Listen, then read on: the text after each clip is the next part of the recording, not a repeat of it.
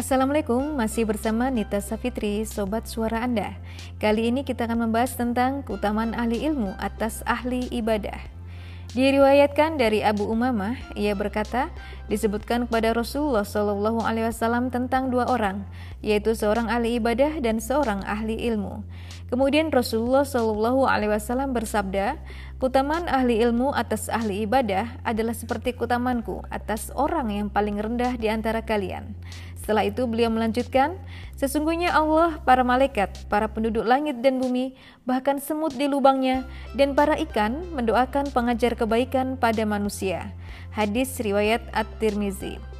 Dalam redaksi lain, Al-Bazar meriwayatkan hadis ini dari Aisyah radhiyallahu anha bahwa para pengajar kebaikan dimintakan ampunan oleh segala sesuatu, sampai oleh para ikan di lautan. Tidak ada agama selain Islam dan tidak ada kitab suci selain Al-Quran yang demikian tinggi menghargai ilmu pengetahuan, mendorong untuk mencarinya, dan memuji orang-orang yang menguasainya. Hadis ini adalah salah satu bagian kecil dari kaidah Islam yang memperlihatkan penghargaan yang tinggi pada ilmu dan orang-orang yang memilikinya. Ibadah adalah sebuah kemuliaan, tapi jauh lebih mulia ilmu dan orang-orang yang memilikinya. Demikian utama orang berilmu di atas ahli ibadah hingga Rasul dalam hadis di atas mengumpamakan kemuliaan dirinya dengan orang yang paling rendah di antara para sahabatnya. Perumpamaan ini analog dengan perumpamaan bagikan langit dan bumi karena sangat jauhnya. Hadis ini diperkuat juga oleh beberapa hadis lainnya seperti dua rakaat solat seorang yang berilmu adalah lebih baik daripada seribu rakaat sholatnya orang bodoh. Dalam hadis lain disebutkan bahwa tidurnya seorang berilmu nilainya lebih baik daripada sholatnya orang jahil.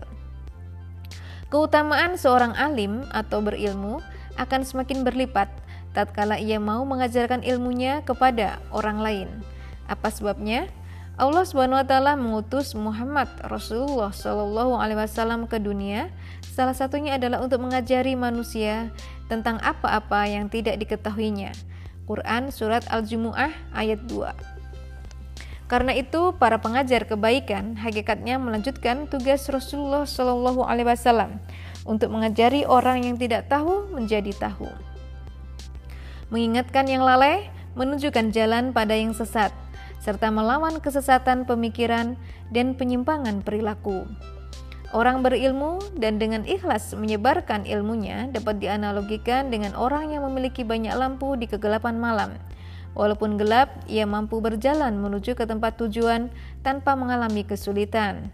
Dengan lampu yang dimiliki, ia pun bisa menerangi orang lain yang tersesat karena gelapnya malam. Karena itu wajar bila semua makhluk di langit dan di bumi memintakan ampunan baginya. Ada satu kisah tentang keutamaan para pengajar dan yang belajar tentang ilmu. Suatu saat Rasulullah Shallallahu Alaihi Wasallam masuk ke sebuah majelis. Di dalam majelis tersebut tampak dua kelompok. Yang satu sedang khusyuk berzikir dan lainnya dengan serius belajar. Kemudian Rasul bersabda, kelompok pertama adalah kelompok yang baik Semoga Allah mengampuni mereka. Sedangkan kelompok kedua yang sedang mengajar dan mempelajari ilmu, semoga Allah membimbing mereka ke jalan yang lurus. Tampaknya kegemaran untuk belajar dan mengajarkan ilmu menjadi sesuatu yang sangat penting untuk saat ini. Tidak saja untuk mengejar predikat orang mulia, tapi juga untuk mengejar ketertinggalan dari bangsa-bangsa lain. Kita, dalam konteks pribadi maupun umat Islam, tidak akan bisa bangkit hanya dengan zikir atau ibadah ritual saja. Kita hanya akan bisa bangkit bila memiliki ilmu yang disinergikan dengan kekuatan ibadah. Begitu yang diungkapkan Syekh Syakib Arsalan dalam bukunya, Mengapa umat Islam terbelakang sedangkan umat non-muslim maju? Muhammad bin Idris Asy-Syafi'i atau Imam Asy-Syafi'i yang hidup pada tahun 767 Masehi atau 50 Hijriah sampai 820 Masehi atau 204 Hijriah, peletak dasar mazhab fikih Syafi'i berkata, yang artinya Imam Syafi'i berkata, kalau ahli agama yang salah itu bukan wali Allah, niscaya Allah tidak memiliki wali. An-Nawawi Al-Majmu' fi Syahril Muhazzab. Imam Asy-Syafi'i menempatkan ulama atau ahli kajian agama pada kedudukan terhormat dalam Islam.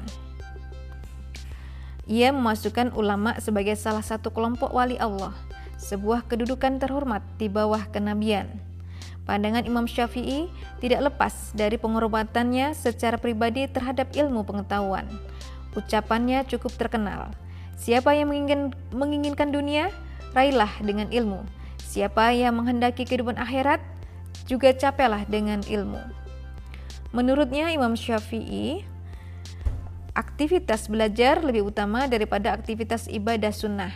Bahkan aktivitas belajar atau menuntut ilmu adalah ibadah yang paling utama setelah ibadah wajib, antara lain sholat lima waktu. Imam Ash-Syafi'i mengatakan, tidak ada kebaikan pada orang yang tidak mencintai atau menghargai ilmu. Jangan sampai engkau mengenal apalagi bersahabat dengan orang seperti itu. Ilmu dalam Islam menempati posisi yang penting. Sebagaimana diketahui, Mencari ilmu berada pada tingkatan wajib. Barangkali kalau dikumpulkan, ada puluhan ayat dan hadis Nabi yang menjelaskan tentang keutamaan ilmu dan kewajiban mencarinya. Bahkan dalam sebuah hadis disebutkan bahwa ahli ilmu lebih utama dibanding ahli ibadah.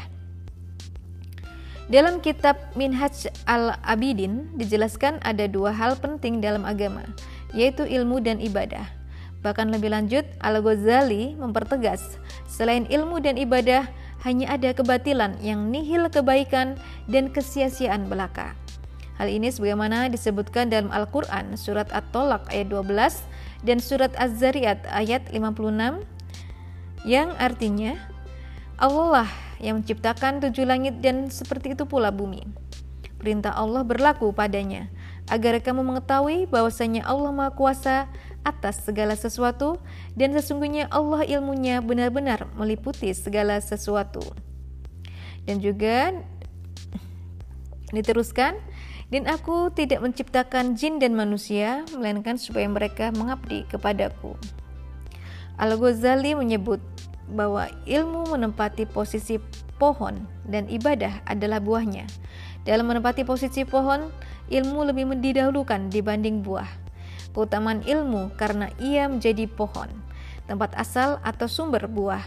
Akan tetapi ilmu tidak berguna jika tidak berbuah. Sehingga seorang muslim harus berilmu dan beribadah.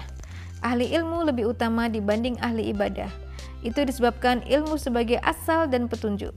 Al-Ghazali menyitir sabda Rasulullah Shallallahu alaihi wasallam yang berbunyi, Al ilmu imamul amali wal amalu tabi'uh Artinya, ilmu merupakan pemimpin amal dan amal adalah pengikutnya.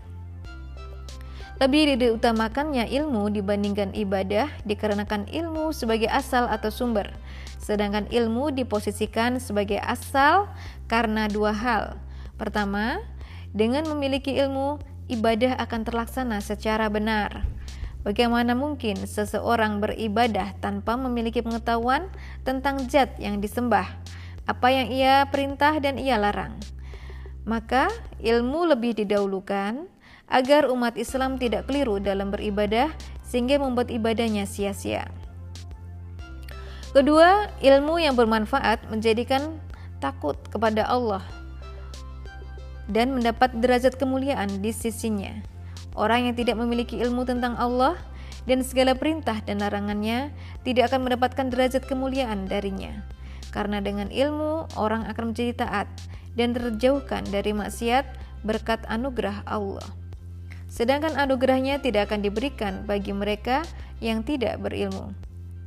Selain itu, sejarah Islam telah membuktikan bahwa pengagungan dan perhatian terhadap ilmu telah berhasil membawa Islam sebagai peradaban yang gemilang. Pemerintah Islam yang berjaya di masa lalu ialah mereka yang menempatkan ilmu pengetahuan sebagai pondasinya ilmu memiliki urgensi yang signifikan dalam lingkup individual dan sosial. Philip Kahiti mencatat dalam bukunya The History of Arab perkembangan ilmu yang pesat mulai dari kajian kedokteran, astronomi, arsitektur, matematika, geografi, sejarah, sastra, seni, hingga filsafat membuat dinasti Abbasiyah mencapai puncak kejayaannya. Spirit keilmuan ini ditangkap oleh dunia barat melalui gerakan Averroisme. Para murid Ibnu Rushd yang menjadi faktor lahirnya kebangkitan Renaissance dan pencerahannya. Dan pencerahan Eropa. Dampaknya dunia menjadi lebih cerah dan maju karena perkembangan ilmu pengetahuan. Wallahu alam bisawab. Demikian, semoga bermanfaat. Wassalamualaikum warahmatullahi wabarakatuh.